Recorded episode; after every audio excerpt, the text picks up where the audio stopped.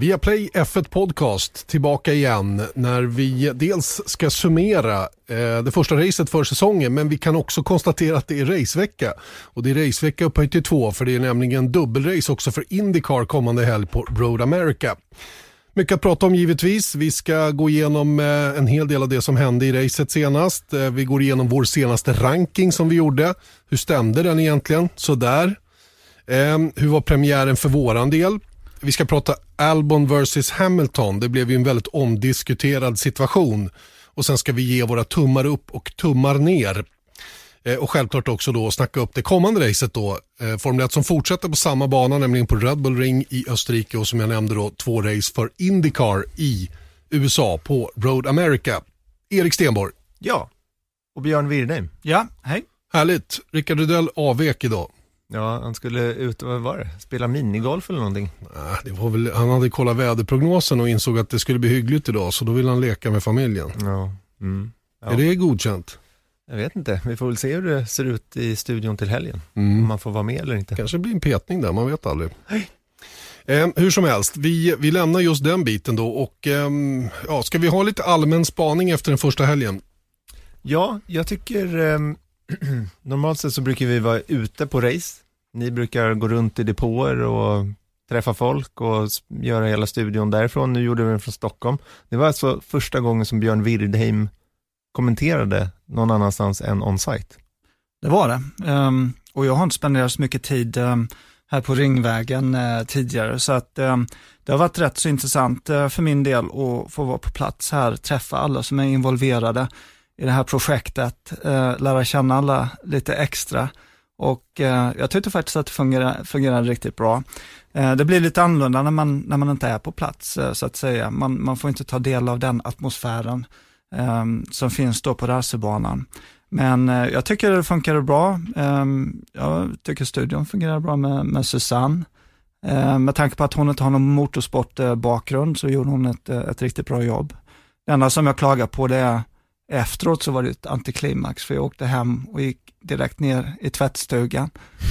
det, där, det där kom vi fram till allihopa, den där efter race-bilen som man vill ha ja. Eh, och liksom, liksom debriefa lite, den gick vi miste om. Mm. Ja, Alla det kändes, kändes mycket konstigt. Mm.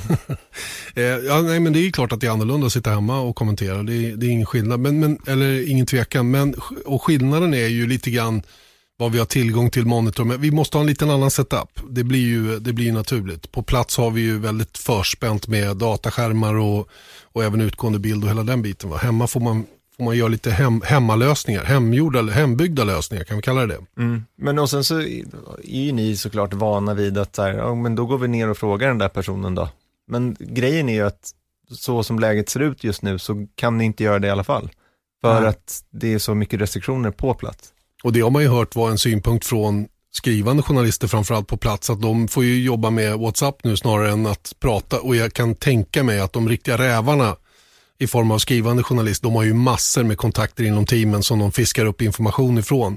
Och, och, riktigt lika mycket av den varan får vi ju självklart inte då när läget är som det är. Nej, jag menar de skrivande är ju inlåsta i sitt mediecenter, så att det är lite så här, jag har sett det att många så här ifrågasätter varför behöver man ens vara på plats? När man ändå är i mediecentret, man får inte ens komma in i paddocken från, som skrivande journalist. Det får ju eh, sändande bolag då i och med att man behöver den miljön. Så det är väl lite enklare på det viset. Men alltså, det är en konstig situation fortfarande. Hur det var i depån ska vi också ta reda på om en liten stund när vi pratar med Magnus Andersson. Vi kanske ska göra det på en gång. Så att vi, vi tar och, och ringer upp Mange helt enkelt. Där har vi Magnus Andersson. Välkommen till F1-podden. Det, är inte det är inte varje dag du är med, men det händer ju trots allt. Ja, Äntligen, äntligen. Jag tjatar hela tiden att jag ska få vara med. Ja, men idag får du det och det är av förklarliga ja. skäl. Du äm, ja, är ju då på plats i, i Graz just nu och äm, är ju den enda av oss som var på plats och, och följde racet on site. Äm, beskriv, hur var det? Ja, det var ju en helt fantastisk upplevelse. Det var så svårt det är på något sätt svårt att ta in hela grejen att det är på riktigt för att är, när det är så lite folk och det är liksom lugnt och stilla, det är som att det är som att man är på dagen innan ett test i Barcelona i, i början på året. Man, det är svårt att ta in att det är på riktigt hela upplevelsen. Men alltså, man får ändå nypa sig i armen och tänka att detta är att man är på platsen och vi var ju fem tv-team från hela världen Så att det känns ju så otroligt unikt att få och historiskt att få uppleva hela grejen ändå, måste man ändå säga. Hur, hur är eh, liksom all, alla andra som är där? Är det, känns det liksom så här avslappnat och uppsluppet som det, som det brukar göra? Nej, ja, det ändrade sig mer efter, efter helgen gick så kändes det som att från början var alla lite på helspänn och liksom höll, höll mycket avstånd men ju, ju längre då veckan gick eller helgen, race, helgen gick så var det liksom det blev mer och mer uppsluppet och glada liksom att det alltid, nu är det alla, jag tycker, ja vad gött att det är igång märkte man ändå så att Sen, så, sen på något konstigt sätt så blir detta en, som en vardag också. Att detta blir liksom, ja så här är det. Och så i början när man, man springer runt med mask eller det var jobbigt med mask. Och sen det blir allting bara, det är som, så här ska det vara nu och det är lugnt tycker man liksom. Konstigt man vänjer sig fort ändå liksom. Ja, de kallar det för the new normal. Eh, kan du beskriva hur det ser ja. ut? Hur ser paddocken ut? Ja, den är ju egentligen som vanligt. Alla, alla, alla lastbilarna är de ju som vanligt och sen är de ju små, små containers så att det är ju, alla timmar har ju väldigt mycket mindre plats.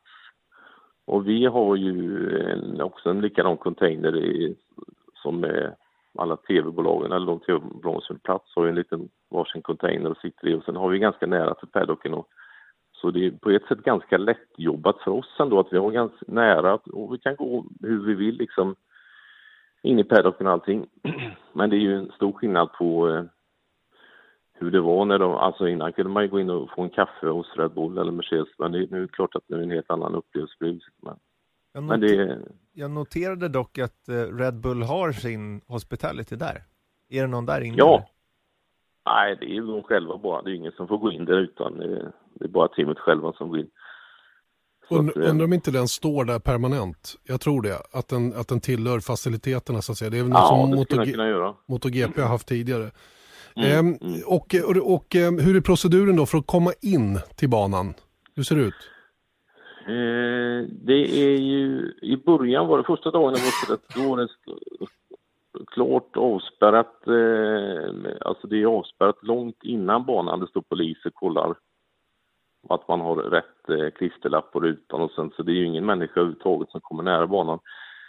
Sen så är det att man får ju, man får ju, eh, ja, kolla, de kollar ju noga så att man har rätt ackreditering. Ja, sen, sen är det ju detta med coronatestet Det var ju det som är lite, eh, eller jag, egentligen, jag är förvånad över, för att innan vi åkte så var det ju, det var 3000 mejl som vi skulle läsa igenom, att, det, att allt, och det var skyddsmasker och allt måste vara liksom rätt CE-märkning och det var, allting det skulle vara superviktigt. Men det är det konstiga, när vi väl var på plats så har det rullat på utan eh, att de har brytt sig egentligen så mycket om den saken. Men, men när, du men kommer, ju... när du kommer till gaten där, då, då har jag sett att man, man tempar er eh, med en, någon form av skanner. Ja, ja, ja, det rätt ja. Precis ja. Exakt ja. Nej men det måste man göra. Man får ju sprita händerna och så tar de tempen på en varenda gång man går in i, går in, eh, dels närmar sig banan och sen varje gång man går in i paddocken också. Så det är ju alltid, termometern är ju alltid framme på alla så, så sätt. Jag såg att eh, Lennon Norris och hans tränare där tvingades ta en vattenflaska och kyla pannan med. Eh, det har inte varit något problem för din del. Du brukar ju bli rätt så grillad i... i på, ja, ja, jo, jo, men det var det, visst, visst, exakt ja. Men det där är ju också, det där är ju en festlig grej. Man springer runt med mask hela dagarna. Och så, jag brukar ju bli ganska solbränd av pannan. Men det, det blir fint sen när man får liksom en fin bondbränna utan masken där, man fyrkantig runt hela ansiktet. Du har haft, haft en bikini på dig. det är som att ja. ha skägg när det är värmebölja ute, så, så, mm, mm. och sen så rakar man sig så ja. ser man rätt kul ut. Exakt, snyggt fyrkantigt i hela ansiktet.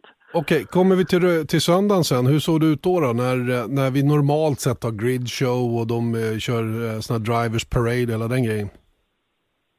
Ja, det var ju en konstig, som jag sa innan, det blir en konstig upplevelse alltihop, men på något sätt så när det närmar sig tävlingen då så är det ju, man kan ju känna att man kan ju ta ändå på atmosfären att det, att det, nu är det på gång, alltså nu börjar de ju racea. Så att det, det blir ändå, det går ju aldrig att jämföra med hur det, hur det var liksom, eller hur det är i vanliga fall, men, men det blir ändå, ändå en otroligt. Men det, det som var den största upplevelsen tycker jag för mig själv i, på racedagen var när racet var slut. Och när vi, hade, när vi packade och allt rullade på och, och det var vi gjorde intervjuer och alltihopa. Men när vi lämnade banan, det var helt knäpptyst. Det var, och det händer ju aldrig på en racerbana. Och alla, i vanliga fall, alla glada människor. Och, så, det har jag aldrig upplevt, att det var helt knäpptyst på en racerbana. En mm. konstig upplevelse faktiskt. Och nu då? Nu är det ju några dagar fram tills nästa race också på Red Bull mm. Ring. Vad, vad, vad gör ni? Ja, nu så blir det mest promenader på dagarna. Lugnt och fint faktiskt. Vänta mest. Det är kanske är den jobbigaste delen. Och vänta bara, det är inte min paradgren direkt så. Vänta på att det ska hända något. Nej, du kan vara lite otålig emellanåt. Ja, men, men jag saknar det mycket gubbarna. Det var så här, det är tråkigt att det inte är här ändå. Mm. Det kanske händer framöver, man vet aldrig. Men, ja. Eh, men dagarna går i alla fall upplever du än så ja, länge? Ja, absolut. Jo, jo, det är ju helt, det är ju helt okej. Visst är det så. du, är så. En fråga till Mange angående intervjuer och sådana saker. Jag såg att ni hade ett mikrofonstativ som ni ställer upp då en bit ifrån. Det är två meters lucka och hela den grejen. Och, och funkar det här på ett bra sätt tycker du? Ja, det funkar väl okej. Det är väl alltid en, ja, det skulle jag säga. Det är en konstig grej från början, men det är så svåra förutsättningar rent eh, tekniskt ibland att få till det här. Eh, ja, det där är en svår bit. Om någon liksom helt plötsligt står en centimeter från mikrofonen och pratar och sen så nästa gubbe står då, då, det är svårt rent praktiskt att få det att funka riktigt, men det är ju som det är. Liksom. Ja, på rätt ljud. Och jag som hör dåligt, ja. jag skulle inte höra vad de sa. Nej, det är tur att du inte... Nej, det är tur kanske gärna ändå. Ja, det är tur att, jag har problem med vanliga nej, men det, ja, ja, nej men det funkar väl okej okay, tycker jag. Det, är så, det, blir en, det blir en normal grej detta med liksom. På något konstigt sätt. Så. Men du ångrar inte att du åkte ja. i alla fall? Nej, det var ju lite, det var lite blandat från början innan jag var tyckte det var lite läskigt ute och snurra runt ändå. Men nu är man ju glad att, man är, att det är igång ändå. Det känns ju jättebra. Mm. Det är roligt. Vi får se om du kommer in i England så småningom.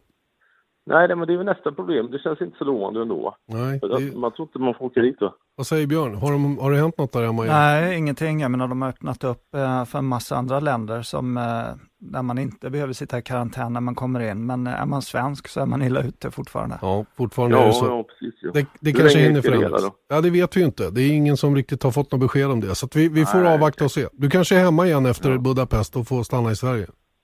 Ja, det är möjligt det ändå. Ja, precis ja. Mm. Ja, eh, ja men det var sig. Bra Magnus Andersson, Fotomange. Kul att du var med och eh, ja, du får ju fördriva. Har du någon tjockbok med dig eller är det Netflix som gäller? Ja, vet du, jag ska gå och köpa kallingar nu faktiskt. Det, var, det är lite problem i, i, i tvätthögen här märker Det är som vanligt med andra ord. Ja, ja men det är gött. Det är bra. Ha det gött. Ja men kram, kram så länge då. Samma. Hej. Magnus Andersson där alltså som eh, är kvar där och vi, vi tror nog att han kanske klarar sig från den här karantänen till England. Då. Han har samma, samma förutsättningar som resten av depån. Exakt. Möjligen. Man har ju lite exemptions från den här två veckors karantänen. Eh, om man jobbar med, man är essential personnel inom Formel 1-organisationen och det är väl han då. Ja, för oss i alla fall. Ja, det tycker jag. Men eh, man får ju se, det är, det är den här grejen. Det är, om det är något man har fått lära sig de senaste månaderna är ju att man kan inte riktigt bestämma själv hur man ska göra, utan man får bara hänga med i strömmen. Så är det. Alright, eh, nästa ämne på agendan då i veckans F1-podd, via Plays F1-podd, eh, där vi eh, ska gå igenom vår tippning då från förra veckan, Erik. Mm. Och det är ju lite eh, blandat, kan man säga. Vi, hade ju, eh, vi gick igenom alla team förra veckan och sen så gav framförallt Björn och Rickard då eh, sin syn på var man trodde att de där var i ordningen så att säga. Och nu har vi faktiskt ett konstruktörs-VM VM, och, eh, som ser ganska annorlunda ut. Så att jag vet inte riktigt, det är väl det här gamla vanliga att efter ett race är det svårt att utläsa exakt var alla är och sånt där. Men men det finns ett facit och då får vi gå på det. Dels finns det ett sånt facit men det finns ju också ett annat facit, ett annat slags facit, vår egen bedömning av teamens fart. Om den överensstämmer med den grundtippning som ni hade eller inte. Och eh, där kanske det avviker lite mindre men tittar man på konstruktörstabellen så avviker det ganska mycket. Mm. Visst gör det det och det har ju också mycket att göra med att det var så många team som drabbades av mekaniska problem. Det var ju liksom inte alls vad man hade förväntat sig med tanke på att eh, det är i princip samma reglemente, det är inga större förändringar. Um, så att um, det, det, är nästan lite svårt att förklara att det var så många som föll bort. Mm. Eh, Vi jag kommer till det faktiskt. Ja, det gör vi. Också. Mm. Men jag tänkte faktiskt på att vi, alla hade ju Mercedes i topp, vilket de också är. Inte jag. Nej, exakt. Men det kommer vi till senare. Men, men Mercedes, eh, ett, du, vi, vi skyller på experterna. Yes. Det är de som får, liksom, vi är inte riktigt experter. Nej, nej, nej. Så att det är de som har, ju, har, de har ju förvisso gjort rätt här nu, men det är inte så konstigt om vi gör fel som inte är experter. nej de sätter ut haken, så Ja. det får de leva med. Mercedes etta. Eh, däremot så är McLaren tvåa och där hade både Rickard och Björn eh, som fjärde team. Hur fan förklarar du det här? Nej, men jag återkommer till det här att det var så mycket som, eh, som inträffade och faktum är det att eh, hade inte Red Bull drabbats eh, av problem och, det här som inträffade mellan Hamilton och, Albon så hade ju sett väldigt annorlunda ut i, resultatlistan. Mm. Ehm, så att, ehm, ja, alltså Red Bull, de har ju inte farten verkar som att matcha eller till och med utmana Mercedes såvida de inte gör någonting radikalt under kvalet som de gjorde i det här läget och chansade på att ehm, starta det här racet på mediumdäcken. Och jag tycker det var tråkigt att vi gick miste om att se hur långt de hade kommit med den strategin med tanke på att det var den vinnande strategin förra året dessutom. Ehm, så att ehm, ja, de verkar fortfarande ha farten liksom över Ferrari åtminstone. Ehm, men kanske inte tillräckligt för att utmana Mercedes. Så jag tycker min, vad jag förutsåg, fortfarande står sig rätt så bra där. Så Red Bull är tvåa enligt ditt förmenande, Ja. oavsett hur resultatet blev. Ja men Janne, du hade Red Bull som etta och de är faktiskt nia. Ja, De är abs- efter Williams. Jag, jag var totalt off, helt och hållet. Va? Men, men eh, jag får nog tillstå att tvåa eh, tycker jag nog att de är. Va? Och, eh, det tråkiga för deras del är att Honda inte levererade. Att det blev ett elfel då på åtminstone Max Verstappens bil. Jag vet inte vad som hände med Albons bil sedermera för han tvingades ju också bryta efter kontakten med Lewis Hamilton. Så att, eh, nå- nå- någonting är det ju som, som inte lirar då när det gäller Honda-motorn. Men de var ju som sagt verkligen inte ensamma om att ha tekniska problem. Nej.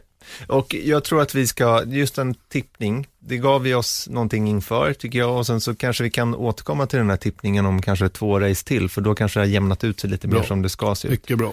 Men något som jag skulle vilja höra mer om är ju en nyckelincident under eh, söndagens race och det var ju då eh, kraschen mellan Alexander Albon och Lewis Hamilton. Vi var ganska, eller ni var ganska tydliga allihopa med att det kändes som en, ett eh, Hamilton-misstag.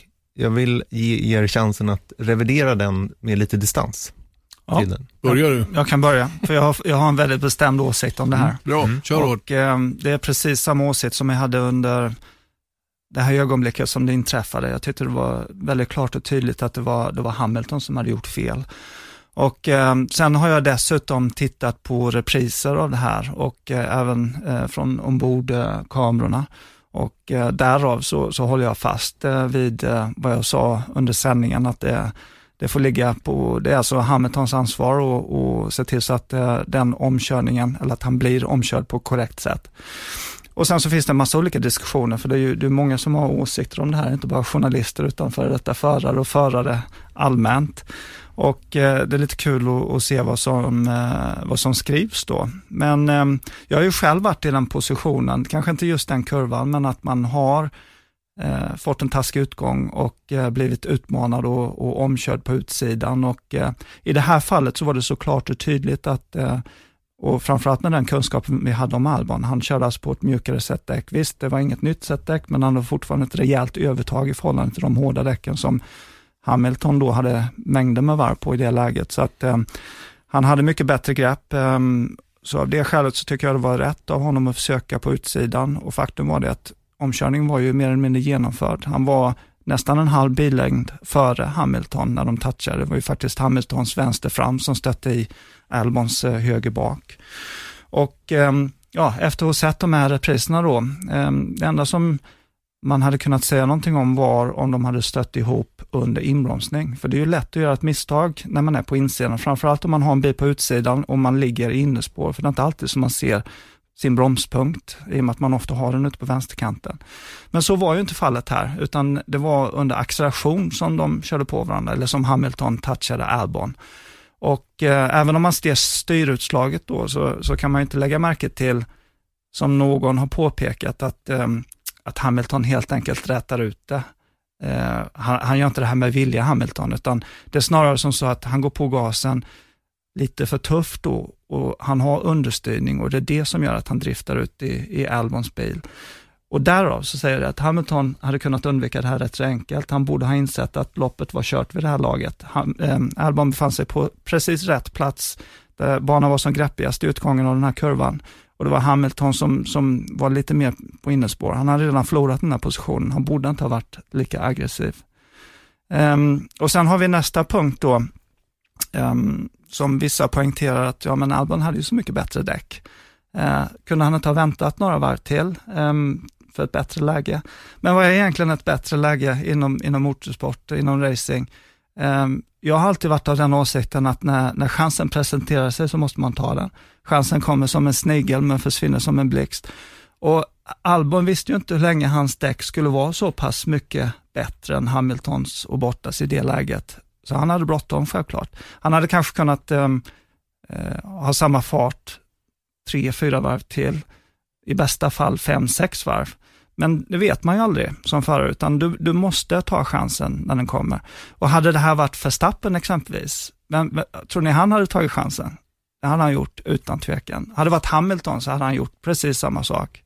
Så att um, jag tycker Albon gjorde rätt och positivt också på ett sätt, för han var inte rädd att utmana Hamilton, även under en så pass vågad omkörning som man, som man ändå gör på utsidan. Så att av det skälet så, det, det som för något positivt med sig är att han åtminstone satt sig ytterligare lite i respekt uh, för Hamilton. Mm.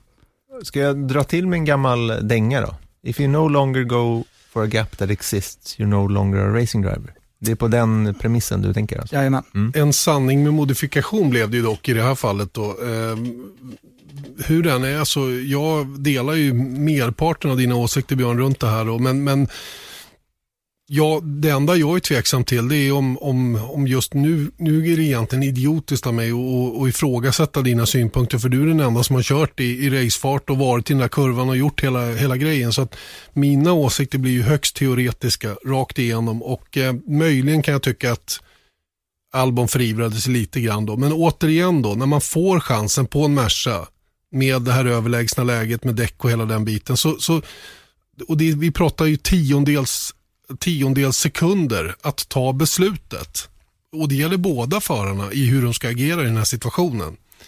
Eh, så att eh, jag menar, Hamilton försvarade sig för, för allt han hade för att inte bli omkörd och Albon attackerade för allt han hade för att köra förbi. Och de här två sakerna kolliderade till slut med varandra bokstavligen. Eh, och, och, och eh, det, det, som jag kan tycka bara är att, eh, för jag är helt enig med dig om att det är Hamiltons fel, bestraffningen är korrekt. Jag kan tycka att eh, påföljden är korrekt också, fem sekunders tidstillägg. Eh, den stora förloraren i det här blir ju ändå Alex Albon. Så borde han inte kanske ha varit en aning kallare hittat ett bättre läge, varit, haft, om det har med erfarenhet att göra, men, men som du säger Björn, du är ju helt säker på att för, både Verstappen och Hamilton hade gjort exakt samma sak och då kan vi inte skylla det här på Albon heller, egentligen. Nej, och um, jag menar, uh, omkörningen av Hamilton var ju för, för andra platsen och Albons sikte var inställt att vinna det här racet, ta sig förbi även borta. Så det bidrar också till att han var tvingad att göra det här väldigt tidigt, för han visste inte hur lång tid det skulle ta sen att komma ifatt Bottas, hur mycket han skulle bli tvingad att slita de här däcken. För ofta blir det som så att man kommer ut på bättre däck än, än bilen framför, men man har ett, ett avstånd som man måste täcka upp till att börja med, så utnyttjar man det man har i däcken bara för att täppa till avståndet. När man väl når fram så har man ingenting kvar för att utmana.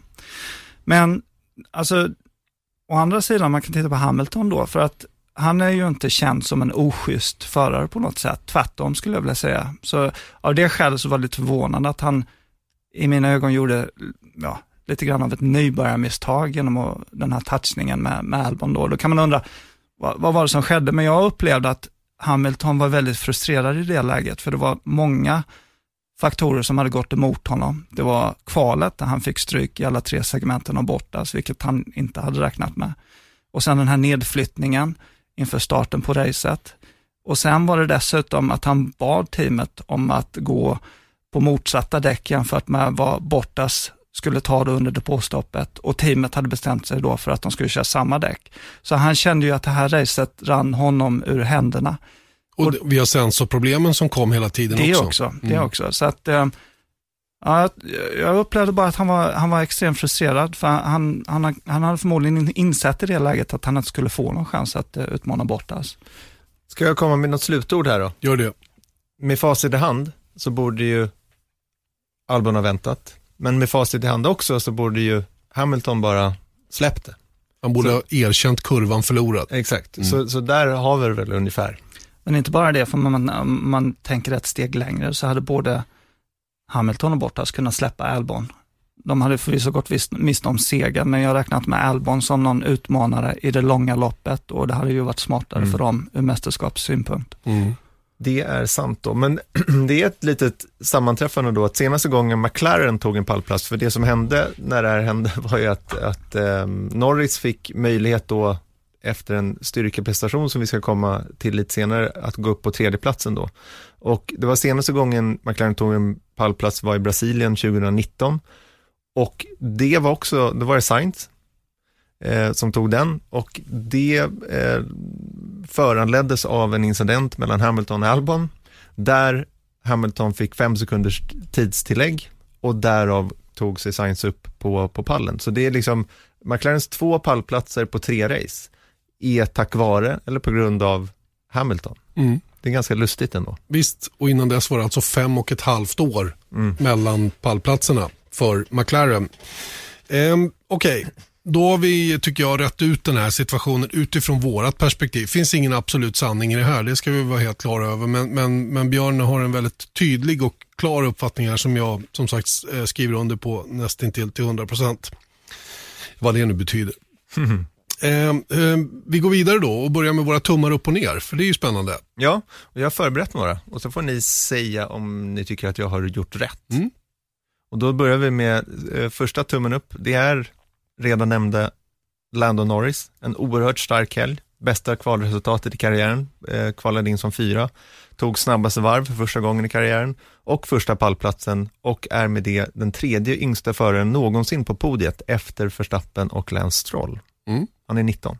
Inte illa. Nej. Nej, Lando Norris gjorde en fantastisk helg, rakt igenom. Och eh, överraskade tycker jag, inte bara han själv utan hela teamet med den fart de visade upp. Jag såg ingenting av det under träningen, de maskade det väl tills det skulle avgöras. Ehm, eh, kvalresultatet är en sak, att kvala in fyra var förbaskat starkt.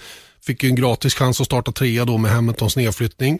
I racet så tycker jag att han var på väg att gå i och falla i, i gamla synder, nämligen att inte riktigt ta rätt beslut i race-situationer.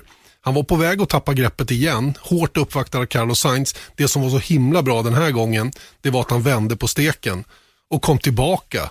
Gjorde den där superaggressiva omkörningen på Perez som jag först inte förstod varför han gjorde. Men i efterhand fattade jag exakt vad han gjorde. Han var ju tvungen, för han jagade ju på den här tredjeplatsen då med bestraffning för Lewis Hamilton. Och att sen pumpa på, och vi har ju alla, eller många av er har kanske sett det här varvet nu som han gjorde det sista när han tog tävlingens snabbaste varv med gott bistånd från sin ingenjör om hur han skulle använda overtake button och hela den grejen. Och att klara det med två tiondelars marginal, det är så oerhört starkt gjort alltså. Och jag är superimponerad, verkligen. Samma här och eh, det här hela den här helgen skulle jag vilja säga kommer ju stärka hans eh, självförtroende något enormt. Eh, men det är så roligt att se Norris för att eh, menar, han gjorde ett jättegott intryck under sin första säsong i Formel 1 förra året och visade framförallt att han är kvalsnabb. Ehm, och jag skulle vilja säga att döma av det här resultatet som vi såg i kvalet då, så, så har han ju förmodligen bli bättre under vintern. Och sen dessutom så var han rätt så självkritisk. Um, ehm, han var självkritisk um, under sista resan tror jag i Abu Dhabi förra året och menade det att faktum är det att ett område som jag måste förbättra det är min racecraft. Och um, jag tycker att, eh, som, som Janne var inne på, så, så gjorde han ett jättegott jobb för att han hamnade i en svår situation där han kom lite ur takt så att säga under den senare delen av, av racet, men han hämtade hem det och han gjorde dessutom en väldigt aggressiv omkörning av, eh, av Perez. Så han, han visar att eh, han utvecklas och eh, det är det viktigaste. Och som du var inne på när vi pratade du och jag sinsemellan, att vara kvalsnabb gör ju ändå att du har ett superbra utgångsläge. Det är ändå det som är viktigast. Det är lättare att jobba utifrån det, att förbättra sin racecraft utifrån en stark eh, startposition. Visst är det det, och, och då är grejen liksom, Eh, det är den absolut viktigaste egenskapen att ha som förare, att vara kvalsnabb.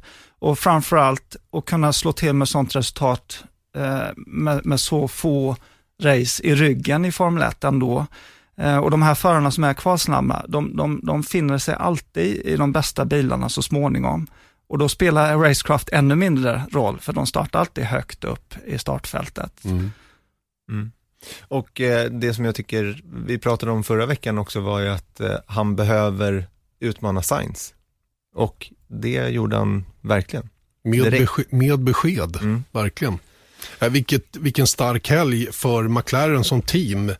Eh, som, som också får en tumme upp av mig. Alltså mm. totalt sett. De ligger tvåa i VM nu efter den här första helgen då med, vad blev det, 35 poäng tror jag eller något mm, sånt där. 37, 37 fick snabbaste varv. Ja just det, han fick poäng för snabbaste varv också. Så det, det, är ju det är en briljant öppning skulle jag säga. Mm. Och mot bakgrund av hur den här off-season har varit då med cashflow problem för teamet och hur de har jobbat för att få loss pengar. De, de har ju en uttalad ambition verkligen att vara med och slåss i toppen om inte allt för lång framtid och sätter självklart stort hopp till det nya reglementet så småningom. Och det gäller att ha resurserna på plats när det jobbet ska börja med bilen för 2022. Och, och eh, Det här var ju en, eh, en otrolig boost för hela teamet. Mm. Då går vi till nästa. Då har jag både en tumme upp och en ner samtidigt. Eh, upp för Charles Leclerc, ner för Ferrari. För ganska exakt 12 månader sedan var Charles Leclerc djupt besviken över sin andra plats. I år menar han att när han kom nu tvåa det här racet, att det var hans bästa race i Formel 1. Det säger någonting om var Ferrari är och hur snabbt det kan gå. Ja visst är det så. Och um, Leclerc, uh, han gjorde ett bra jobb, men han hade ju också tur. Eh, för hade det inte varit för alla de här säkerhetsbilssituationerna så tror jag inte han hade varit i läge att ta den här andra platsen som han gjorde. Men det var också intressant, en intressant iakttagelse då. För Janne, du och jag satt ju faktiskt och snackade om det här. Vem av de här två Ferrari-förarna skulle klara av den här situationen på bästa sätt? Eh, i en Ferrari som inte verkar speciellt konkurrenskraftig. Är det Sebastian Vettel med all sin erfarenhet som kan köra runt en bil som inte fungerar speciellt bra? Um, eller Leclerc då som, som med fart och naturlig talang uh, lyckas bäst och, och, det blir ju rätt så klart och, och, tydligt. Supertydligt skulle jag vilja säga då med tanke på, på, eh, på Leclercs resultat kontra Max, eller um, Sebastian Vettel. Uh, det som är grejen här är ju din tumme ner som, mm. som går till Ferrari. Mm. Som, som gjorde ett riktigt, riktigt, eller har gjort ett riktigt dåligt jobb under vintern. Eller har de det? Det som har hänt är ju det som gäller motorn. Bilen som sådan, om jag förstått det rätt, är ju någorlunda snabbare, någorlunda, något snabbare i kurvorna faktiskt än förra året. Vilket var lite grann deras akilleshäl. Men de hade ju effekten i motorn. Den har de inte längre. Och det är ju det som är grejen här. Och den tid de har haft på sig tillgänglig efter det beskedet har inte räckt till för att rätta till problemet och kommer inte att räcka till i år överhuvudtaget. De kan kompensera och justera men de kommer aldrig att hitta en sekund, inte en chans. Så att i, allting sitter ju bakom ryggen på förarna just nu och det vet ju, det har ju Ferrari vetat superlänge, ända sedan i februari, mm. att det är på det här viset. Och det bilkoncept de har byggt bygger ju på den hästkraft som motorn levererat. Det är ju siffror som man jobbar ihop. Hur ska det se ut dragmässigt och downforcemässigt kontra hur mycket power vi har. Och nu har de inte power. De har säkert en hygglig bil men ingen effekt. Och då ser det ut som det gör. Och det är ju ett, ett, eh, ett jätteproblem för deras del. Och det säger ju en del om hur de har kunnat jobba den här motorn tidigare då med hjälp av det här med bränsle som skjuts in i motorn då vid valda tillfällen. För de är ju inte helt off på söndagarna. Men, men var ju in, ingenstans på lördag. Förra året var det ju nästan tvärtom. De var ju superstarka på lördagarna och sen så var de okej okay på söndagarna va? men kunde utnyttja den här starka motorn. Va? Så det är ett superproblem de har och, och eh, det, här, eh, det här med att, att manipulera bränsleflödet som de har gjort, som, som vi misstänker, eller ja, som är väl en närmast vedertagen sanning nu eh, och som de tvingats sluta med, det är ju någonting som startade redan 2018, som kördes på tre bilar 2018 som kördes av alla Ferrari-bilarna 2019 i olika utsträckning och som nu inte kan användas igen. Och då ser vi vad som händer. Mm. Det är inte lätt om man inte har tillgång till just den här funktionen att, att leverera ett resultat. Va? Så att, um, det här kommer att bli en rejäl uppförsbacke för Ferrari i år. Ja, och bara titta på Leclercs polvarv från 2019 och hans, vad var det, sjua? Sexa? Sjua tror jag han blev. Ja. Mm. Det var alltså 0,92 sekunder efter sitt eget polvarv 2019. Och jag menar, bilarna går snabbare år till år. Mm. Så att det här ska ju knappt gå. Men nästan en sekund bakom det, den tiden han lyckades sätta för 12 månader sedan. Det, det är ju sinnessjukt. Alltså. Mm, visst är det det. Och det, det ju, blir ju ännu mer intressant när diskussionen handlar om det här, den hemliga uppgörelsen med Fia. Och då satt jag och tänkte i bilen så här på väg hit att vad har det kostat Fia? Att Mm. få Ferrari att göra det här. Ja, det kostade en sak som är tydlig, nämligen att de fick inte redogöra för alla andra. De kunde inte ge den totala transparensen om vad det var Ferrari hade gjort. Men det är ju ganska billigt ändå av Ferrari att släppa, eller av, Fia att släppa det så att säga. Va? Men det känns som att det finns någonting annat under, under ytan som vi inte känner till. Mm. Va, va, hur, hur fick de åt tumskruvarna på Ferrari liksom? Mm.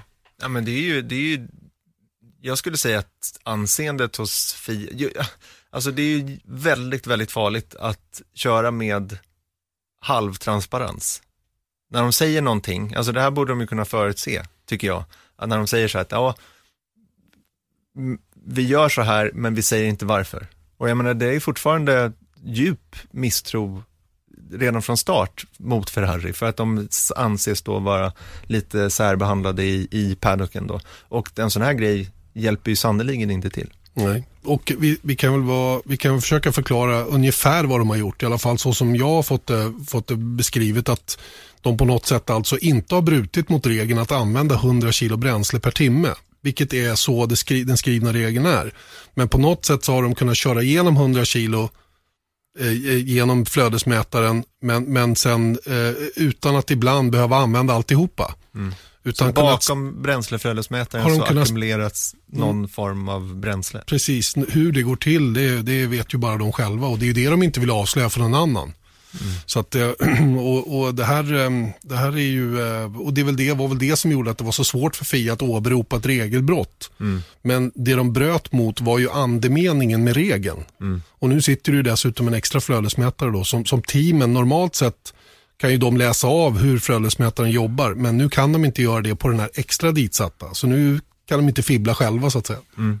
Och eh, det är det jag menar att Fia har säkert inte gjort något fel. Alltså de har säkert gjort det, i och med att de inte kunde sätta dit Ferrari, men de har berättat för Ferrari, det här är anmälningen av regeln så ni får sluta med det där.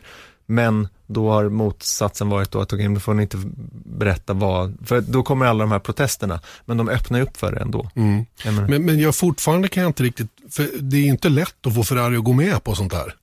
nej, Det var är en lätt att få- att- jättekonkurrensfördel. Ja, exakt, men det är väl inte lätt för Fia heller. Att, eller att få Fia gå med på ett så kallat andemeningsregelbrott Nej, heller. Nej ja, ja, det finns mycket under ytan här som vi sannolikt aldrig kommer att få, få reda på vad det är. Mm. Eh, Kanske om 30 år, inte vet jag, när någon vågar berätta något. Men, men Ja. konstigt är det i alla fall. Mm. Men vi, vi, hade, ju- vi nämnde ju Sebastian Vettel, han får eh, även en tumme ner. Eh, det känns som att vintern inte gjorde honom speciellt gott. Nej, men eh, han eh, hade verkligen ingen lätt bil att köra i det här racet. Eh, det som man, man fokuserar på när man tänker tillbaka på, på Vettel och under det här första racet i Österrike, det är ju det här misstaget han gjorde när han gjorde ett halvhjärtat försök att eh, dra fördel av eh, situationer som uppstod framför sig när, eh, jag minns inte. hur är Leclerc på Sainz, va? Ja, just det. Mm. Och, och Vettel försökte dra fördel och bromsade alldeles för sent och det ledde till att han, han snurrade. Han försökte ta sig förbi Sainz, han också. Och det, det var ett överilat misstag, eh, precis som man har sett eh, tidigare säsonger. Så det verkar inte ha förändrat sig. Men jag har också sett ombordvideor eh, från Fettes bil och den där bilen var extremt svårkörd. Ehm, han hade många upplåsningar in i kurva 3, ingen bra balans i, i framvagnen där. Eh, men framförallt så, så lägger man märke till att eh, ingången till kurva 4 är ändå rätt så snabb och likaså kurva 6 blir det. Och eh, där dras han alltså med snap oversteer i instyrningsögonblicket och det är ungefär det farligaste man kan ha när man kör en av de här bilarna. Så att eh, han sa ju själv efter, i efterhand då att eh, han var förvånad att eh, han inte snurrade tidigare än vad han gjorde.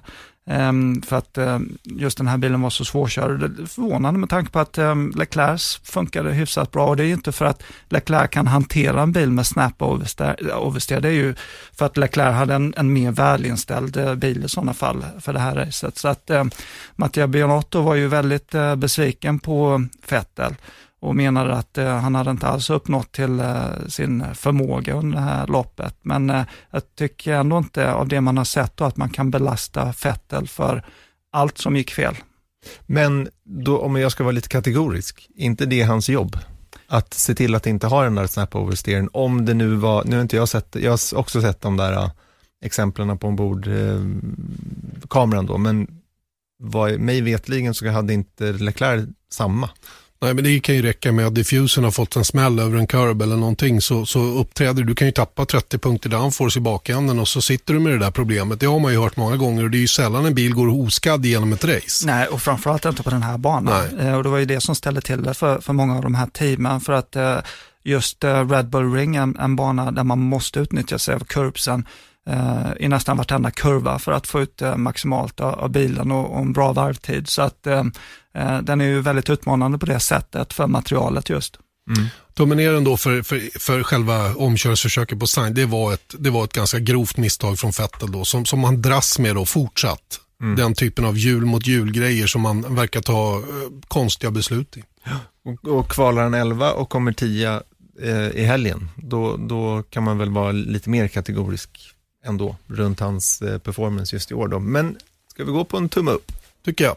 Valtteri Bottas. Den är väl tämligen självklar. Mm. Eh, Valtteri Bottas då, andra raka säsongspremiärvinsten för hans del. Upp i åtta vinster nu, lika många som Max Verstappen, Jack Hicks och Denny Halm. Eh, första gången han vinner Lights to Flag.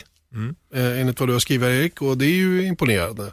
Eh, mina tankar runt hans race var ju, det var ju superstabilt från start till mål. Tog starten, Eh, kontrollerade otroligt starkt inledande varv. De två första varven skapade sig en, en betryggande lucka på en gång. Eh, hängde av Max Verstappen när det gällde eh, DRS och sådana grejer. Visst, Max Verstappen på lite hårdare däck, men, men eh, gjorde precis jobbet som man skulle göra. Eh, och sen så kom ju de här radiomeddelandena då om att de hade ett sensorbekymmer då och eh, om, om jag har förstått det här så var det något electrical interference som skapades av vibrationer eh, när de körde över banmarkeringar. och det störde, riskerade att störa sensorer till växellådan men även andra system på bilen då. Så har det förklarats i efterhand då. Det där är ju ett jätteproblem om de har det här. Och det, de märkte det här redan på fredagen om jag förstått saken rätt att det här uppträdde då. Och det uppträdde snabbare på Bottas bil och var i värre kondition på Bottas bil än det var på Lewis Hamiltons bil. Men de var oroliga, helt klart oroliga. Eh, och det, det, hanterade han ju också på ett bra sätt. Och omstarterna som blev en efter en, tre stycken, gjorde han ju också på ett bra sätt och höll undan för Hamilton som var minst lika bra där närmast bakom. Va? Så att, äh, han var eh, solid, rakt igenom, verkligen. Va? Och eh, vi har sett det förr, starka inledningar från Valtteri Bottas. Nu gäller det upp till honom att bevisa motsatsen här till många, att han, att han faktiskt kan hålla i en hel säsong. Så kan det här bli riktigt bra. Han, han får en, en jättefin buffert ner till Hamilton redan i första racet. Ja, verkligen. Och um, jag menar, eh, Hamilton knappade ju in rätt så stort avstånd, den här luckan då som Bottas hade dragit ut när Hamilton väl var uppe på andra platsen. Men det tror jag inte ehm, det tror jag inte var något problem för Bortas, utan eh, i det läget så, så var han bara försiktig och såg till så att eh, han skulle kunna hålla sig ut så länge som möjligt på sina startdäck. Eh, så att eh, det var, skulle jag vilja säga, en felfri helg för Bortas. Och eh, jag tänkte på det också, för det var ju så mycket snack om att eh, just den här säsongstarten med två race i, i Österrike skulle gagna Red Bull, bara för att de har vunnit de senaste två racen här. Men faktum är att det, det gagnar nog mest Bottas, för det här är en bana som han trivs extremt bra på. Nu har han tre pole positions eh, i Österrike och han har en seger. Um, så att um, jag tror starkt på honom nu inför nästa helg också. Då vill jag fråga dig som förare, hur funkar det egentligen med liksom favoritbanor? För att egentligen så borde ju det vara, det är så mycket annat som liksom ska in, att bilen ska funka, bla bla bla och sånt där. Men, men Bottas är ju, skulle jag vilja säga, den som presterar bäst av alla i hela fältet på just Red Bull Ring. Har du någon favoritbana som du känner så att när du kommer dit, då kan du liksom styra utgången så att säga? Ja, um, min favoritbana är nog Fuji, bara för att jag vet det att inom tre varv så kommer jag vara så snabb som jag, som jag blir över hela helgen. Um, den också en enkel layout.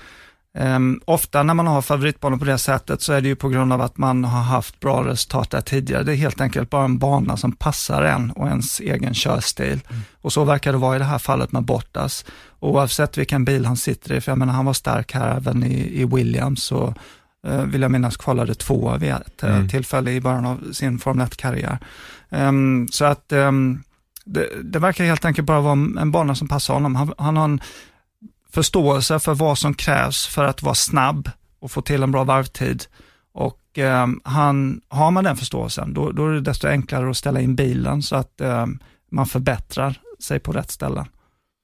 Det är väldigt intressant. Men då, vi var inne på de här, det fanns ju vissa liksom, tekniska mankemanger runt Mercedes. Och vilket då säger då att de är inte helt bulletproof rent tekniskt eller strategiskt, för de var ju i, eh, ganska illa ute där innan Albon då kraschade med Hamilton, men att han var verkligen i slagläge för segern. Eh, och, och ändå, trots alla de här tekniska problemen, och vi har sett det så himla många gånger tidigare, att de har varit så här, de har klagat på däck jättemycket, de har varit illa ute och de säger där nu är det kritiskt, nu är det kritiskt, men så vinner de ändå. Mm. Det känns helt sjukt. Jo, det gör det ju, men det hänger ju ihop med hur bra paket de har totalt sett, att de kan, att de kan göra det. De, de, även i en svår situation i brygga så kan de liksom resas upp. Det, det, som, det som jag är lite oroad över när det gäller dem eh, är att ehm, eh, vi hade ju tre, tre säkerhetsbilar och många nyttjade dem för att gå in och ta nya däck. De stannade kvar ute och det är inte första gången de hamnar i ett sånt läge att de har valt bort sig i de här avseendena. Eh, och det kan jag... Och det, är också, det tror jag också är liksom lite självsäkerhet. Va? Att de vet att de är så pass starka och de har varit i en klass för sig fram till, till, till racet startar, hela den biten. Va? Att de, de lutar sig mot det. Det är också intressant eh, och det vet jag att vi har pratat om också att eh, vi, alltså Mercedes de gör ju extremt mycket simuleringar av racen inför racen, under racehelgerna vill säga. Eh, där de går igenom olika scenarion och sen så har de mer eller mindre ett facit för hur de agerar eh, vid olika händelser. Och, och det har vi i vissa fall stoppat dem från att vinna tidigare, medan ett team som exempelvis eh, Red Bull, de, de reagerar, vad ska man säga, mer personligt, eller inte känslomässigt, men de reagerar på, på händelser som inträffar när de väl inträffar och, och, och, det har de lyckats dra fördel av, eh, av tidigare. Och det var också ett frågetecken då eh, kring eh, Mercedes här. De, de, visste ju rätt så tidigt ändå att eh, Hamilton skulle få den här fem sekunders bestraffningen och att eh, de skulle bli utmanade eh, om positionen på grund av det av bilar bakom. De skulle mycket väl kunna ha tagit ett beslut att släppa förbi eh, låta Bottas släppa förbi Hamilton och på mm. så sätt säkra en bättre... Andra platsen ja. ja visst. Mm. Ja, det var ju mycket sånt surr att Bottas kanske hade backat ner i Hamilton lite grann då för att eh, han inte skulle få bli två utan få ett, alltså, det, sån är inte Bottas. Det är inte min bild av honom i alla fall att han jobbar på det sättet. Eh, det är ju den, den Nico Rosberg style så att säga. Va? Eh, samma sak med kvalet, avåkningen på sista försöket där när han hade bästa tid. Det är ju ett läge där man faktiskt kan göra en sån grej. Men vem åker av med avsikt? Det är ju stora, stora risker för sånt. Om man nu ska, om man nu ska ställa till för dem bakom så att säga. Va? Men, men eh, nej, så, så uppfattar jag inte att Bottas är. Viaplay F1 Podcast är du lyssnar till. Vi sitter här och eh, går igenom det senaste racet såklart. Eh, vi ger tummar upp och ner för närvarande. Vi var inne på att ge eh, Valtteri Bottas en rejäl tumme upp, en stor svullen tumme upp. Mm, eh, det kommer en tumme ner också nu. Ja, och vi kommer till ytterligare, vi ska prata om Hamilton om en stund, men vi tar Red Bull lite för att picka upp emellan. Ja, de, får, de får en tumme ner. De får en tumme ner ja. och det är kanske inte så konstigt. Ehm, det gick inte något vidare för deras del. Ehm, båda bilarna tvingas bryta. Ehm, Max Verstappen då efter att ha inlett racet som planerat skulle jag säga, eh, som tvåa på mediumdäck, inte riktigt samma pace som Valtteri Bottas inledning var väl också enligt plan. Sen, sen fick vi aldrig riktigt reda på vad som skulle ha hänt eftersom man tvingades bryta då med ett elfel vad det verkar. Och ehm, eh, sen, sen när det gäller Red Bull som team betraktat då så hade vi ju eh, Albons då, eh, försök på Hamilton då, som resulterade i att han snurrade och hamnade långt efter och sen också tvingades bryta utan att ta målflagg. Oklart anledning, i alla fall för mig just nu. Om ni har sett något så får ni gärna berätta det. Eh, hur som helst, så blev det och eh, ja, det blev ju inte alls den där klang och jubelhelgen som, som eh, åtminstone jag hade trott på förhand Red Bull skulle kunna bjuda på. eh, i, i, på, på Red Bull Ring på hemmaplan, Björn, vad säger du? Nej, jag håller med. Eh, de var lite ehm, längre efter Mercedes än vad jag hade förväntat mig och jag hade satt mitt hopp till den här uppdateringen som Honda eh, enligt uppgift då skulle komma med till just det här racet, men eh, det räckte inte hela vägen. Sen Sen var jag imponerad av att de verkligen vågade gå på mediumdäcken eh, under eh, Q2. Eh, för att de klarade det? Att de klarade visst, mm. visst. Så att eh, det hade ju kunnat förändra utgången på det här racet. Eh, men nu fick vi inte se hur långt, det, hur långt det räckte och det farliga i det här är ju också att de har visat sina kort och Mercedes kommer ju sannolikt att gå tillväga på samma sätt nästa race. Mm. Och vi sa innan helgen att en, en DNF, alltså ett brutet lopp, kan komma att förstöra en hel säsong och nu bröt de med båda förarna. Är båda, eller åtminstone, eller framförallt Verstappen som vi tror skulle ha någonting med, med saken att göra, är han ute ur leken? Vi vet ju inte hur många race vi ska köra. Nej, jag, jag, jag, jag hoppas inte det. Det, det, det är jättesvårt att köra en 25 poäng på ledande Mercedes eh, på, oavsett hur lång säsongen blir. Så är det. Men, eh, men jag, jag är inte beredd att, att, att steka dem ännu som en titelutmanare. Eh, det är, det är för mycket kvar. Det är för mycket frågetecken fortfarande. Så att säga. Men det var ju absolut sämsta tänkbara start. Visst var det det och eh, det finns egentligen inte så mycket mer att eh, säga. Vi vet ju inte hur lång den här säsongen kommer bli. Det är klart, att det bara åtta race nu så då, då, då är det ju mer eller mindre kört. Men eh, enligt den information som vi får hela tiden så verkar det som att det kommer bli många, många fler race. Mm, vi har fått lite hintar om hur kalendern kommer att se ut. Dock ingenting vi kan avslöja nu utan vi får vänta helt enkelt för att eh, ett, ett besked om den fortsatta kalendern ska komma i nästa vecka nu är det sagt. Mm. Det var väl eh, på tapeten att vi skulle få det den här veckan. Den här veckan dock som det går rykten om att Renault ska annonsera vem som ska köra istället för Daniel Ricciardo. Och där kollar runt lite grann och det är väl inte riktigt heller vedertaget hos de som har lite bättre koll med vad som händer nere i depån, att Renault eh, ska komma redan nu med vem som ska ersätta. Och den som det pratas om då är förstås Fernando Alonso. Mm. Va? Vad tycker vi om det egentligen? Jag, jag, jag, på ett sätt, ja men visst, kul. Det är alltid roligt så här när stora stjärnor kommer tillbaks, men jag vet inte riktigt om jag... Jag är mer sugen på nya namn mm. nu för tiden det var som någon skrev på, tror jag, min, i mitt Twitterflöde, att det luktar väldigt mycket generationsväxling i det här racet, inte minst.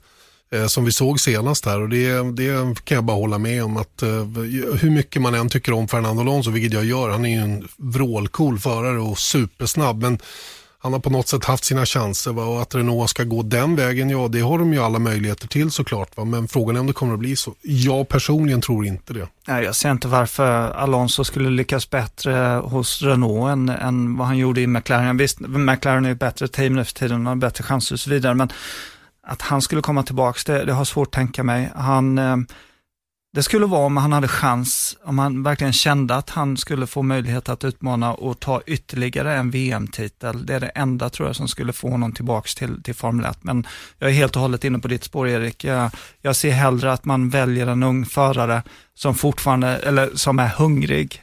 Och det är jag inte säker på att eh, Alonso är fortfarande. Okej, vi fortsätter ge lite tummar upp och ner. Uh, har vi landat på en, uh, en nedtumme nu?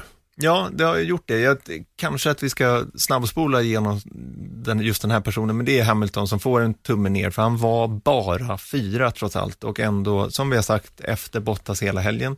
Och man kan också notera att han har flest penalty points av alla i hela startfältet med sju stycken. Och det som är intressant här är att i juni förra året, då fick han en penalty point. Jag kommer inte ihåg varför. Jag bara läst statistiken här. Men det var hans första penalty point på över två år. Mm. Och nu har han, eh, tog han fyra på en och, en och samma helg. Just det. Och eh, de här försvinner ju då eh, över en 12 månadersperiod vid det datumet året innan man har fått den. Så att det är fortfarande långt till en eventuell eh, avstängning. Va? Men, men eh, man ska inte ha så där mycket så här tidigt tycker jag. Det verkar lite oroväckande. Mm. Nej, han, var, han var inte på, på, på, i sitt vanliga jag, det får man väl ändå säga. Det var, det var lite um, saker som, som man är, alltså man har ju så oerhört höga krav på honom. Va? Så att det blir ju naturligtvis när han bara är fyra, då är det under, under hans normala nivå. Så det blir en tumme ner faktiskt. Mm. Eh, tumme ner också för tillförlitligheten. Och upp. Och upp. Ja, ja, du tänker så ja. ja nu fattar jag. Eh, nej, men jag är nog huvudsak ner när det gäller tillförlitlighet. Jag vill att bilen ska gå i mål. Eh, det tycker jag är absolut eh, viktigast. Eh, visst, det kan ju bjussa på lite överraskningspoäng och sådär och, och sådana saker. Det kan det göra och en annan extra säkerhetsbil och hela den biten. Va? Men i huvudsak ner tycker jag. Vad säger du Björn? Jag håller med, um, definitivt. För att um, jag var nästan lite orolig i ett läge under racet. Det var så många som hade fallit bort och då tänkte jag det blir ingen spänning i det här överhuvudtaget. Mm. Nej, jag, jag, ser gärna att det funkar. Och man kan ju undra vad som har hänt. Det, det var ju 11 förare som gick i mål. 13 blev klassificerade, det finns en procentsats där. För... Sju, man ska vara under sju varv efter tror jag, eller något där, för ja, att bli klassad. Men ja. det spelar ingen roll. Två, det var ju Kviat och eh, Russell, var det det? Nej, ja, Kviat var det i alla fall, en av dem det förtäljer inte Nej. historien utan 11 förare i mål, sist var då Latifi på elfte plats och inga bröt i, på Red Bull Ring i fjol. Och då kan man ju undra, jag vet att det är svårt att säga för det fanns ju ingen så här stringens i så här, okej, okay, alla hade problem med det här. Men det var ändå så att det var nio förare som bröt av olika anledningar och då, alltså det måste ju förklaras i form av någon form av rostighet. Jag tror, I någon att, form. jag tror att det helt enkelt är så att man inte är så förberedda som man normalt sett är. helt enkelt. Att uh, Den här tiden emellan, många har tagit tillfället i akt att göra förbättringar på bilarna under den här perioden utan att överhuvudtaget ha varit nära en bana. Man, de var väldigt oskrivna de här förbättringarna som då uh, visar sig då inte funka till 100% under en race-distans. Uh, att man får elfel och, och sensorbekymmer och sådana saker. Det är ju sånt som man inte har kunnat testa ordentligt och då då står man där med den typen av grejer. Så det, det, är väl förmodligen det, att det har varit så långt mellan gångerna de har kört bilarna. Ja visst, det måste ju vara den rimliga förklaringen eh, och när man vet hur länge de här fabrikerna har varit stängda, över 60 dagar. Eh, normalt sett så åker man ju direkt eh, mer eller mindre från försäsongstesten till första racet. Så att eh, det är ju annorlunda med tanke på att man har i vissa fall blivit tvingad att, att utveckla någonting väldigt snabbt då. Ehm, under de få dagarna som de har fått ha fabrikerna öppna och det är klart att det, det kan gå fel då. Och, och, dessutom så är det ju nya processer att jobba under. Jag menar, de har väl gjort precis på samma sätt i de senaste tio åren och helt plötsligt så är det så att man inte får träffa varandra på, på jag menar, bara det exemplet att förarna har sina tekniska genomgångar med sina ingenjörer över digitala samtal för att de ska inte vara i samma rum och, och sådana där grejer. Det är klart att det måste störa ut, mm. kanske mer än vad man trodde. Sannolikt. Eh, tummen ner också för Haas, får man väl ändå säga. Båda bilarna bröt med bromsproblem om jag har förstått saken rätt. Eh, Kevin Magnusson försvann upp rakt fram i kurva 3 och eh, Romain Grosjean då, som hade en stökig helg rent allmänt lyckades inte heller eh, ta sig i mål då, av i stort sett samma anledning då, då han åkte rätt fram i kurva 4 istället. Va? Och eh, det var ju han som började ha bromsproblem tidigt under helgen då, var väl under något av träningspassen han hade läckande bromsvätska och så vidare. Så det var ju det var ju riktigt dåligt att ha, så ingen fart på dem överhuvudtaget och mycket tack vare Ferrari-motorn. Men faktum är att de ändå hade tappat minst av Ferrari-teamen, så de har ju förbättrat bilen. Men mm. motorn gör att de ändå ligger långt efter. Eh, låg bättre till i det avseendet än både Alfa Romeo och Ferrari själva. Så att, eh, ja, helt kass var det väl inte. Eh, upp då. Eh, jag, jag klustrade lite här. Ja, du gjorde det. Jag tänkte att vi kan bara prata lite mer fritt där, för nu måste vi försöka jobba på här. Det är en lång podd. Ja, mycket härligt, underbart. Då går jag tummar upp till Racing Point, Per Gasly och Williams. Mm. Ska vi försöka baka ihop det på ett bra sätt också? Det kan vi göra. Björn, ska du börja? Ja, Racing Point, eh, det var ju det teamet som um, hade förbättrat sig mest uh, just här i Österrike i förhållande till fjolåret. Om man tittar till uh, både kvalpace och, och deras racefart då så att säga.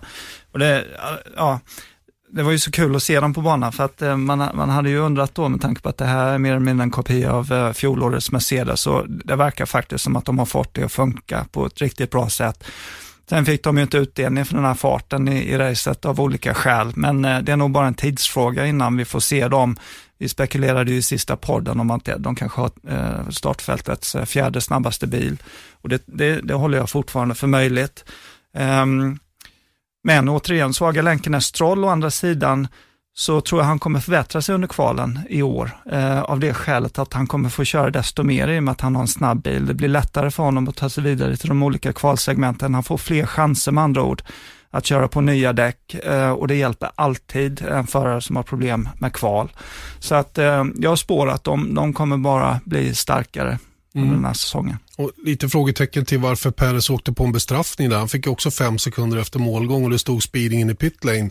Om det var för att när han stack iväg från depåplatsen spann iväg eller om han gjorde något annat som, som, som gjorde att han bröt fartbegränsning så att säga. Och det vet inte jag, men jag trodde att han skulle åka på unsafe release och att det var det som skulle ge fem sekunder. Det men kanske så var dubbelt rent av. mycket möjligt. Va? Men, men det- det var, officiellt var det speeding in i pitlane så här långt i alla fall. Pierre Mm. Gasly har du skrivit här också, tycker jag eh, gjorde en solid och bra insats rakt igenom hela helgen. Ja, alltså det var så mycket fokus på Norris, McLaren och Racing Point och bla bla bla för att de, de, de har haft höga förväntningar och sen så kan man ju ändå konstatera, sen så som med många andra i den här resultatlistan så var det ju omständigheter, men han kom ändå sjua. Mm.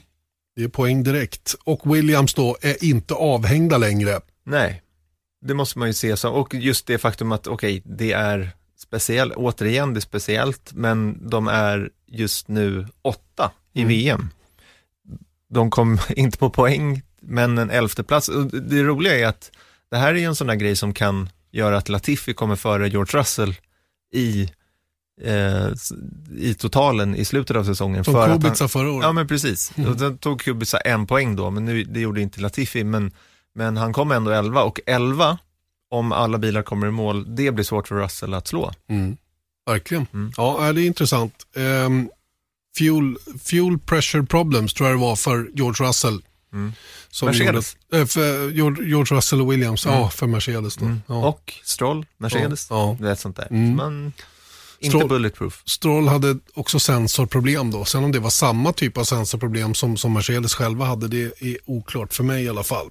Eh, upp har du gett också för F1 i pandemitider. Mm. Jag tycker ändå att eh, det var ju en viss oro, hos mig i alla fall, innan man skulle göra den här, när man skulle dra igång den som den första globala i, ja, sporten egentligen, som, eh, som skulle sätta igång då. Och det, det var ju något rörigt att jobba med det här, det var väldigt så här, nya processer och sånt där, från, från mitt perspektiv i alla fall.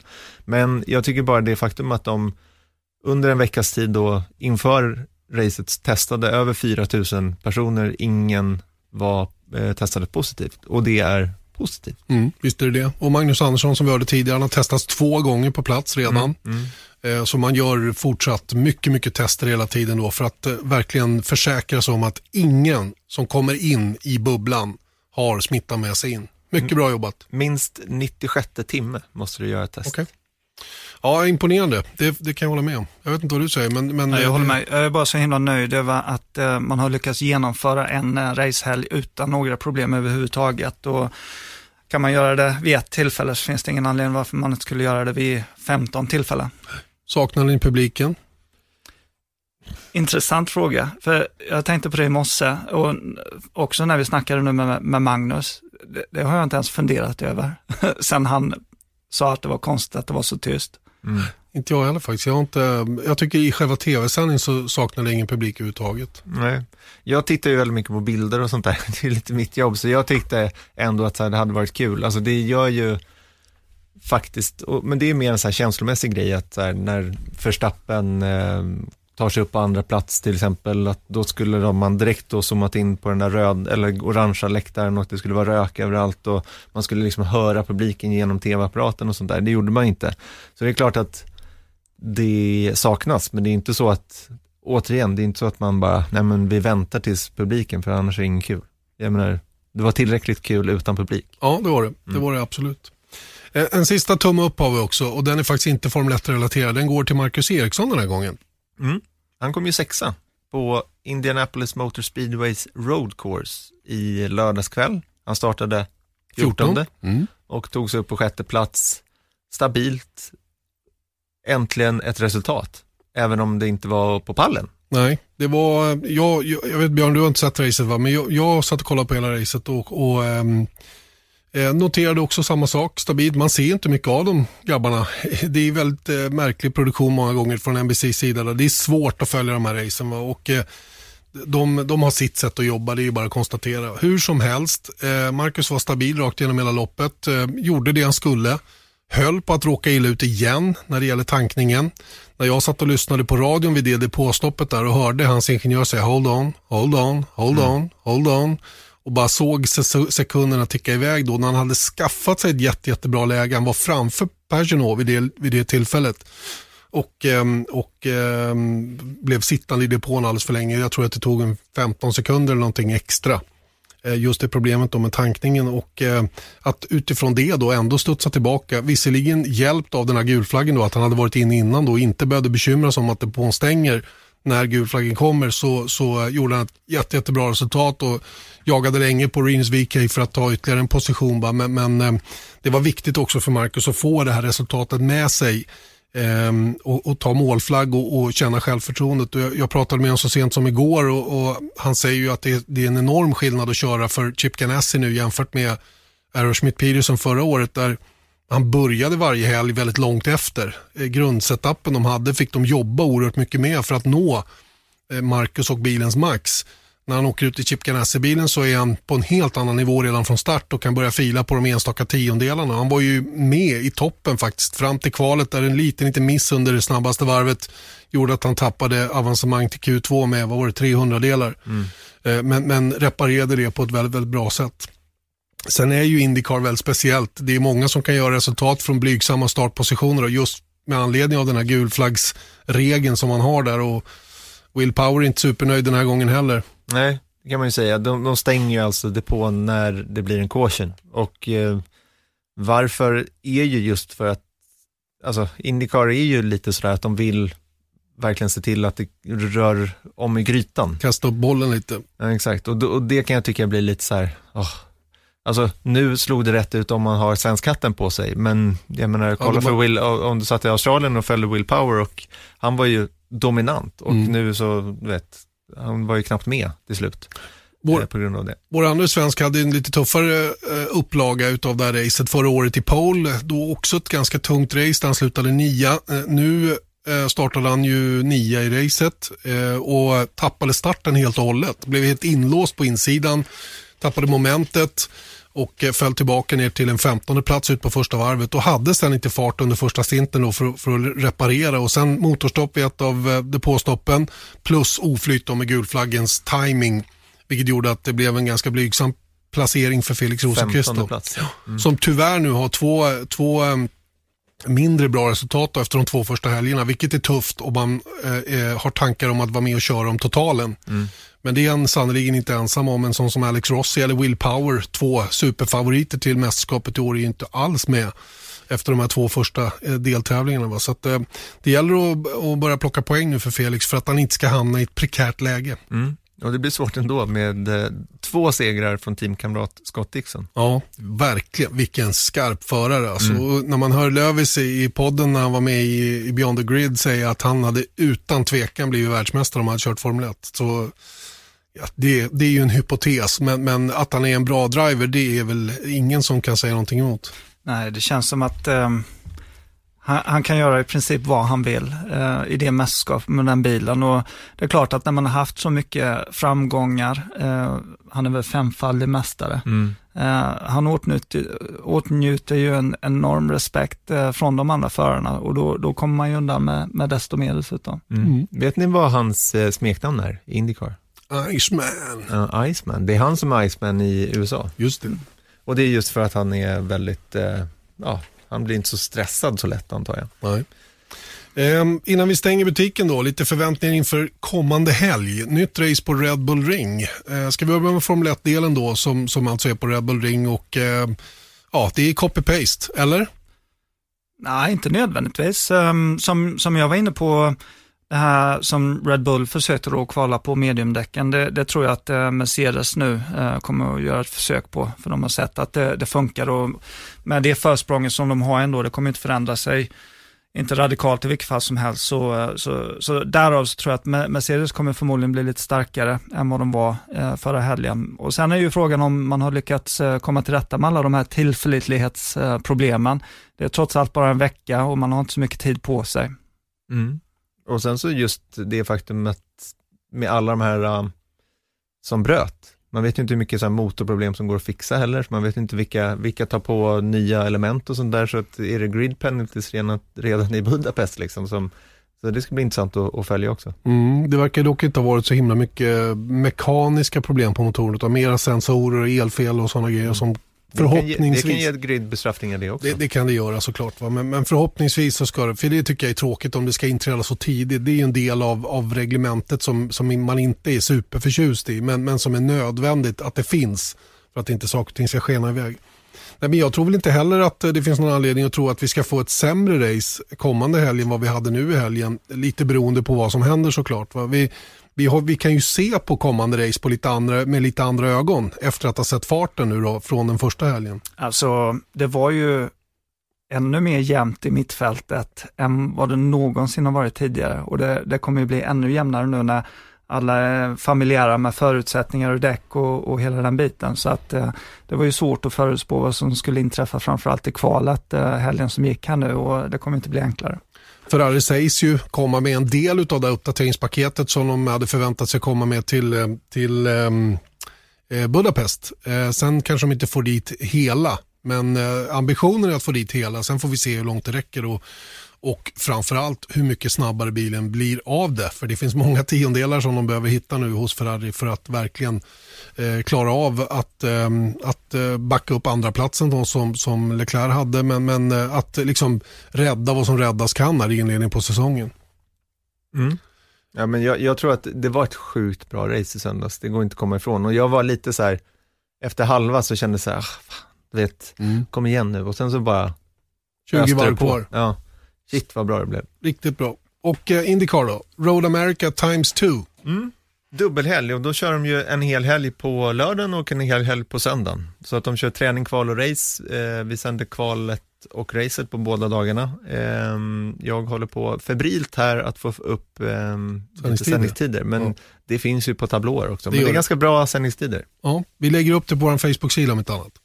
Eh, Ja, och i tablåer. Och i tablåerna. Ja, men bara så att Vi glömmer alltid bort saker vår på hem, hem, eller Facebook Facebookare. Ja, inte vet jag vad vi ska ha för förväntningar på Indycar. Jag hoppas att svenskarna är med. Det verkar ju som att de har en bil till det i alla fall och eh, varför inte? Nej. Varför inte en pallplats? Vi skjuter högt där. Hoppas att vi siktar på någonting som, som kan likna någonting väldigt, väldigt bra. Eh, det finns ingen anledning att sitta och, och hoppas på tionde platser utan det är lika bra att gå för det och, och hoppas att de håller ihop det på ett bra sätt. Mm. Det ska bli en fantastisk racehelg i alla fall. Mm. Det blir ju hänga vid tvn i stort sett hela tiden. Yes, kvalet går 20.30 på lördag. Racet går 23.00 på lördag också. Och sen så är det mycket tidigare dag eh, på söndag då och då är det 16.30 kval, 18.30 race. Okej. Okay. Krockar nästan. Krock, alltså. Mm. Ja, där ser man. Ja, ja. Men vi får väl, eh, vi tar det som det kommer. Vi gör det. Och därmed så är veckans Formel 1-podd avklarad. Jag hoppas ni har eh, tyckt det var intressant, våra resonemang om ditten och datten. Vi är självklart tillbaka nästa vecka igen. Den blir lika matig med tre race som ska redovisas, i alla fall Formel 1-loppet på Red Bull Ring och de båda då på Road America och med förhoppningsvis bra svenska resultat där på andra sidan Atlanten. Tills dess säger vi tack och påtrörande. Ha det till, eh, till på tisdag och missa nu ingen racing till helgen. Nej. Hej då!